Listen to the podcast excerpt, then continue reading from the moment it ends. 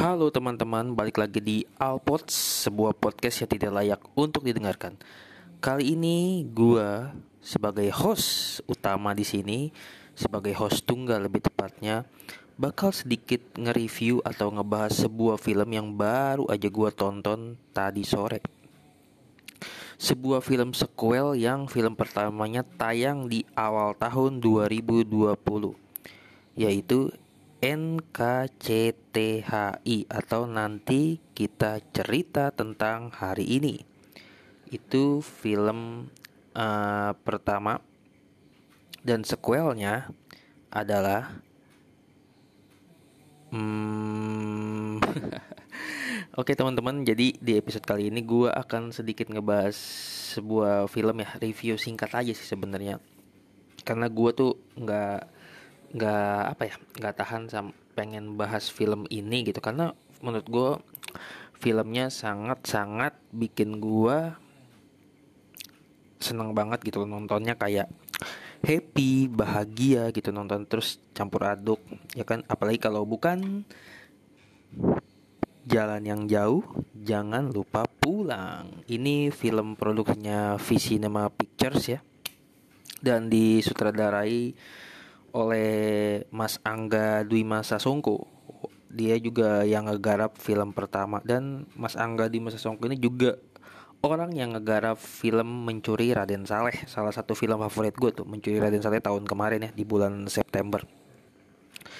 Jadi ini di apa namanya uh, baru banget tadi gue nonton di salah satu bioskop di daerah deket rumah gue sekalian gue balik tadi jadi daerah Tangerang Selatan di daerah Bintaro lebih tepatnya karena harga tiketnya sangat-sangat murah. Jadi juga banyak sih sebenarnya di aplikasi untuk hari ini. Untuk film yang katanya Siradara ini jelep-jelep gitu lah ya. uh, jalan yang jauh jangan lupa pulang ini uh, uh, buy one get one banyak di aplik beberapa aplikasi. Salah satunya Tix ID juga ada tuh. Terus di aplikasi-aplikasi kayak XX1 ya CGV ya kan juga ada kayaknya. Cuman ya gue nggak sempet dapat gitu loh. Jadi nonton pun dadakan tadi karena agak gerimis saya kira wah kayaknya kalau mampir enak juga nih. Udah akhir gue memutuskan buat nonton. Tadi sih nggak rencana buat nonton di hari pertama ya pengen nonton tapi tidak expect buat nonton di hari ini gitu loh maksudnya. Dan ternyata ya nggak nyesel gitu loh. Jadi ini adalah sequel dari film nanti kita nanti kita cerita tentang hari ini ya. Nah, seperti bukunya novela karya Marcel Marcela Mbak Mbak Marcela ya. Jadi kalau lo yang udah nonton pasti sangat relate ya dengan film keduanya sangat excited termasuk gua gitu. Cuman apakah lo yang belum nonton film pertama itu bisa nonton film kedua menurut gue bisa-bisa aja bisa banget gitu loh. Karena tidak banyak unsur-unsur di film pertama yang coba dibawa di sequelnya ini gitu loh. Jadi kalau lo belum pernah nonton film yang pertama ketika lo nonton film jangan eh jalan yang jauh jangan lupa pulang ini menurut gue akan sangat mudah lo resapi mudah lo nikmatin gitu loh ya. Jadi seperti yang kecetahi ini ber, masih berpusat pada sebuah kakak beradik ya tiga orang yaitu Mas Angkasa, Mbak Aurora dan tentunya Awan gitu. Angkasa diperankan sama uh, duh kok jadi lupa gue namanya. Jadi eh diperankan oleh Rio Dewanto.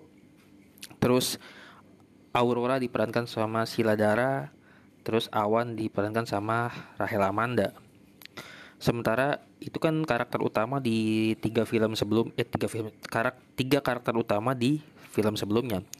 Terus di film yang ini tuh ada penambahan karakter ya. Yaitu ada Lutesia Sadewa ya sebagai Hani, terus ada Jerome Kurnia sebagai Kit. Gue lupa tadi nama panjangnya Kit siapa di film. Terus ada juga Ganindra Bimo sebagai Jam gitu. Ini benar-benar sebuah film yang menurut gue sangat relate ya. Ini gue nggak tahu ya gue akan bicara mudah-mudahan sih gue nggak spoiler ya dari kata-kata gue gitu loh. Cuman gue akan bahas secara review secara singkat aja kepada teman-teman gitu loh. Gue dari awal menit pertama film ini dimulai gitu ya dari mulai biasa seperti di film pertamanya pesawat kertas yang terbang di awan gitu.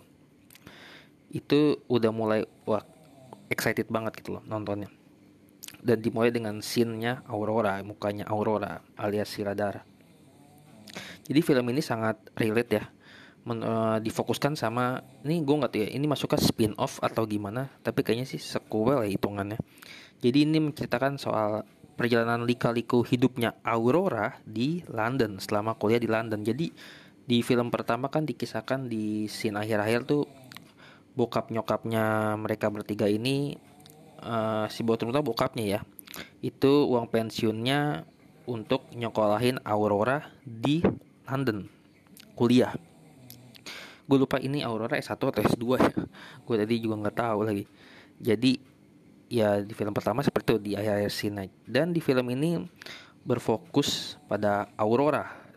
Emosinya Aurora perjalanan lika-liku hidupnya Aurora selama di London gimana dia bertahan sendirian gitu loh tanpa keluarga tanpa anggota keluarga lebih tepatnya di negara orang gitu di London Inggris.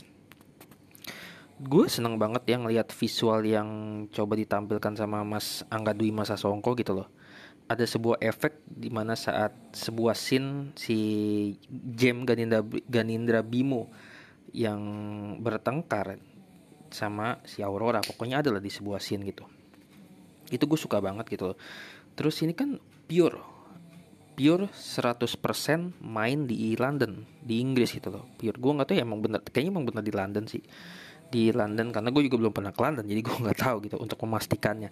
Cuman ini pure tidak ada sama sekali Indonesia-nya maksudnya tidak ada sama sekali scene di Indonesia. Semua pure di Inggris di London gitu. Berpusat emang ceritanya Aurora. Gue suka banget gitu loh pengambilan gambarnya visualnya tuh sangat itu loh meskipun apa ya meskipun mainnya di luar negeri gitu loh cuman tidak menjual dengan tanda kutip ya tidak menjual main di luar negeri gitu loh. Jadi ya kayak biasa aja gitu kayak film-film Indonesia pada umumnya gitu loh dan bahkan kita sebagai penonton gua pribadi yang nonton itu bisa nikmatin gitu loh. Bisa ngikutin emosi cerita tetap bisa fokus sama karakter-karakternya gitu loh.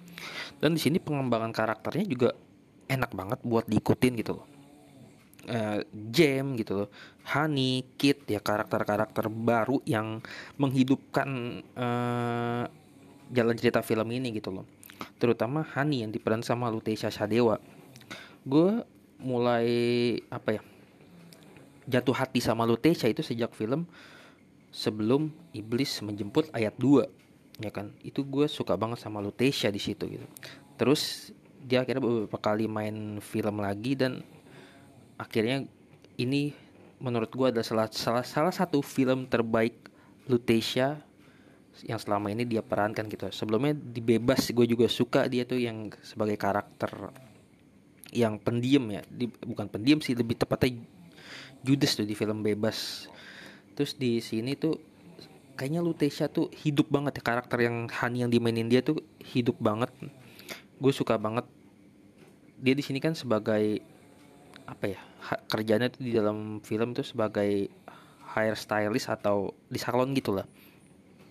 Cuman suka aja gitu loh uh, apalagi di beberapa scene-nya tuh Lutesia alias Han ini gonta-ganti rambut gitu loh. Beberapa kali model rambut gitu loh. Gue selama nonton film ini tuh apa ya fokus banget sama Lutesia gitu. Kayak wow gitu loh.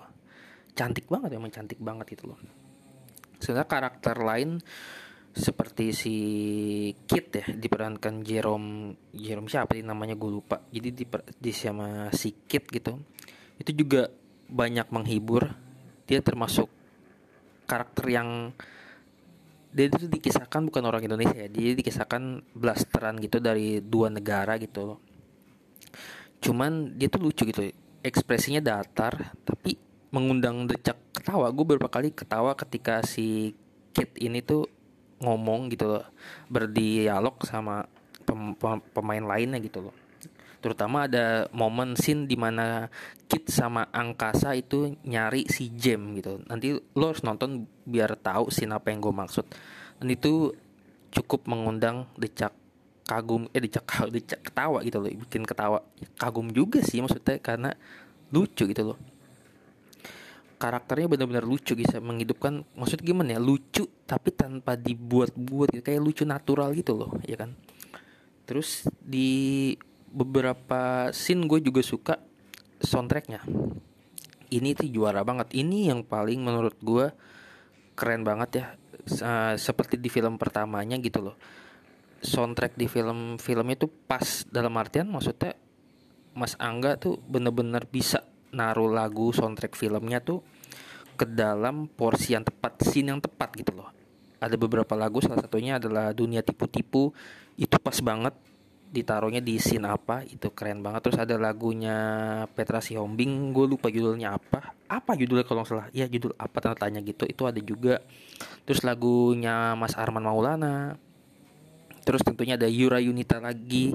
Uh, selain dunia tipit itu ada lagu Jalan Pulang yang menjadi theme song utama ya terus ada sih sebenarnya lagu sound apa ya tem lagu yang di awal-awal scene tuh ketika si Kit naik sepeda gue nggak tahu itu lagunya siapa ya karena gue juga kurang begitu tahu gitu itu lagu siapa makanya gue juga lagi nyerita itu pokoknya ya setiap lagu di setiap scene-nya gitu ya setiap ada lagu tuh pas banget gitu loh kita bisa hanyut gitu loh. gue ngerasain nonton tuh kayak enak banget gitu loh nyaman gitu loh nonton tuh kayak dan di sini kan difokuskan oleh Aurora ya ceritanya Aurora gitu loh terus yang pokoknya banyak scene-scene yang bikin menguras emosi gitu loh salah satunya ketika Aurora Awan sama Angkasa nih makan di salah satu restoran gitu lah. Nah itu tuh salah satu scene yang menurut gua relate banget loh. Maksudnya ini film ini tuh sangat relate ya menurut gua untuk kehidupan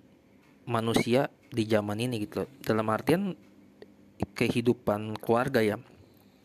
Mungkin gini loh, banyak dari kita yang mungkin tidak mengenal sosok tidak seperti yang Awan sama si Angkasa bilang dalam film ini mungkin kita tuh emang nggak kenal sama keluarga kita gitu loh sama anggota keluarga kita gitu loh dan ini sangat relate menurut gua karena di beberapa uh, kehidupan nyata gue menemukan teman-teman gue yang seperti ini gitu loh. Bahkan mereka merasa kalau keluarga itu bukan rumah mereka gitu loh. Tidak menemukan dalam artian rumah gitu ya. Keluarga mereka tuh bukan rumah gitu jadi setiap pulang ya udah pulang aja gitu.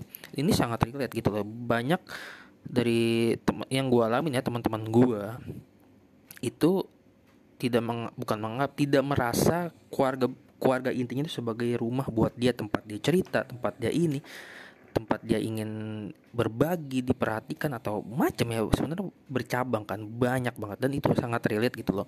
Terus di sini juga Aurora kan dihadapkan banyak segala banyak masalah rumit yang ia selesaikan selama dua bulan. Jadi dia ini dua bulan ngilang gitu ceritanya tanpa kabar sehingga kakak sama adiknya si Mas Angkasa sama Awan tuh nyusul dia ke Inggris ke London buat nyari keberadaannya Aurora ini. Dan di film ini alasannya Aurora sangat make sense menurut gue ketika dia nggak bisa tidak bisa menyelesaikan skripsinya secara tepat waktu tidak bisa menyelesaikan apa menyelesaikan kuliahnya secara tepat waktu gitu.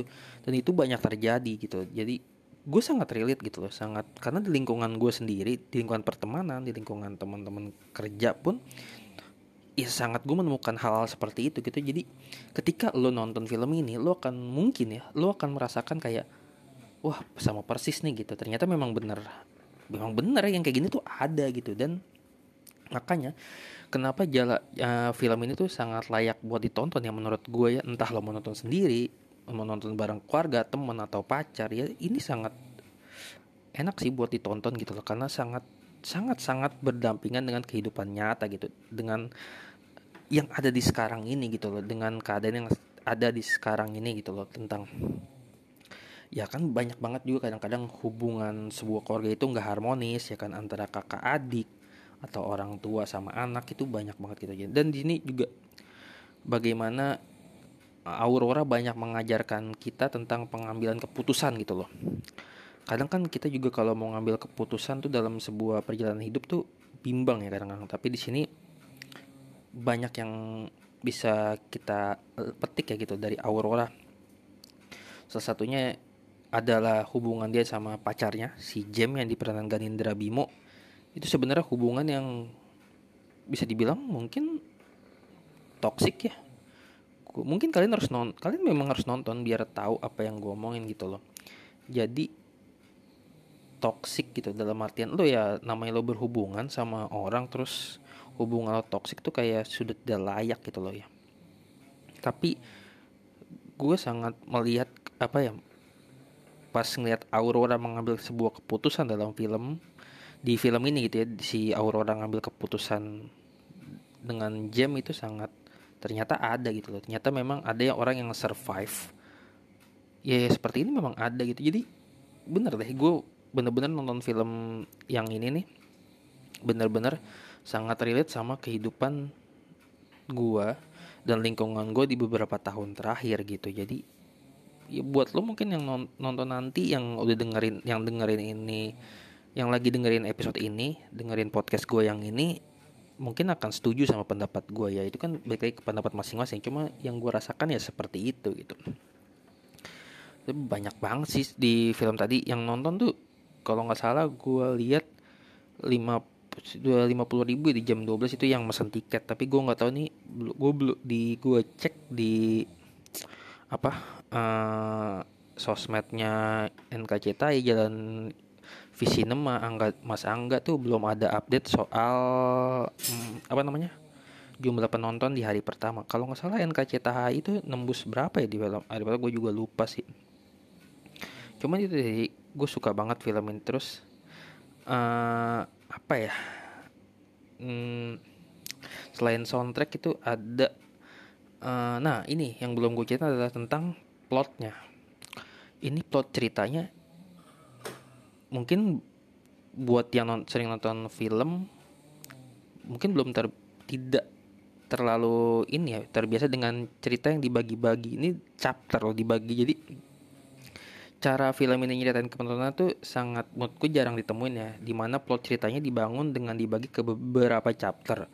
Terus itu sama sekali nggak ngurangin gimana juaranya film ini sih menurut gue pribadi ya gitu loh. Jadi ada sekitar 4 atau 5 chapter 5 chapter apa 6 chapter gitu. Jadi itu jadi nanti lo lo pasti akan bingung kan. Di awal-awal scene akan lo dibikin bingung gitu. Kok tiba-tiba begini nanti akan diceritain di chapter selanjutnya. Nanti ada kelanjutan itu enak banget loh seperti puzzle gitu loh. Tiba-tiba kepingan kayak puzzle lah kepingan-kepingan yang hilang yang kepingan-kepingan jadi pertanyaan kita itu ada di chapter-chapter berikutnya nanti diceritain gitu. Itu salah satu yang bikin gue sangat apa ya sangat seneng nonton film ini gitu. Dan gue tidak menyangka akan seperti ini gitu. Gue pikir ya kayak film pertamanya ya ya udah film jalan aja gitu loh. Tapi yang ini kayak lebih beda menurut gue ini lebih fresh ya lebih apa ya buat gue jangan ya jalan yang jauh jangan lupa pulang ini udah naik kelas ya. Ya mungkin bisa dibilang lebih baik ya dibanding NKCTHI gitu loh. Ya siapa sih yang nggak meragukan Mas Angga Dwi Masa Songko gitu loh? Ya kita lihat aja mencuri Raden Saleh kemarin ya kan yang sukses uh, membawa sekitar 2 juta lebih penonton ya. Jadi ini sangat relate buat ditonton teman-teman buat menikmati akhir pekan kalian sama keluarga pacar atau siapa pun itu atau nonton sendiri kayak gue tadi no problem gak masalah karena ini enak banget ceritanya buat dinikmatin. Jadi gue nggak mau spoiler banyak juga ya pokoknya itu jalan yang jauh jangan lupa pulang bisa kalian saksikan di bioskop bioskop terdekat. Jadi untuk film ini gue kasih skornya itu hmm, 9 per 10 ya. Ya ini menurut gue pribadi ya 9 per 10 untuk visual efeknya untuk plot alur ceritanya untuk pengembangan karakternya apalagi gue suka banget sama Sheila Dara sebagai Aurora di sini tuh.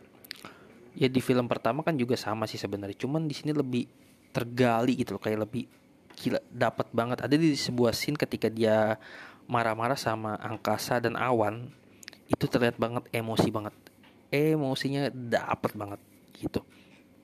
Ah jadi gitu ya teman-teman ya. Gua sih ya sedikit aja bahas soal film ini review film. Karena gue juga kalau gue terus-terusan gue review kayaknya gue bisa spoiler ke kalian. Karena masih banyak di otak gue yang nempel adegan-adegan scene-scene-nya yang sangat mungkin akan memorable. Gue nggak tahu ya gue mungkin akan nonton lagi atau enggak karena kayaknya nonton dua kali kayaknya boleh juga sih untuk film ini gitu. Jadi ya buat kalian yang belum nonton silakan nonton. Uh, karena ini sangat bagus banget buat ditonton buat dinikmatin. Karena ceritanya sangat relate gitu sama kehidupan manusia zaman sekarang gitu. Oke terima kasih teman-teman yang udah dengerin podcast dengerin Alpods gitu loh. Sebuah podcast yang tidak layak untuk didengarkan tapi kalian kalau kalian mau dengarkan gue tidak bertanggung jawab gitu loh. Tapi nggak apa-apa dengerin aja. Gitu kali ya teman-teman. Terima kasih yang sudah mendengarkan Alpods sampai ketemu lagi di episode berikutnya. Bye bye semua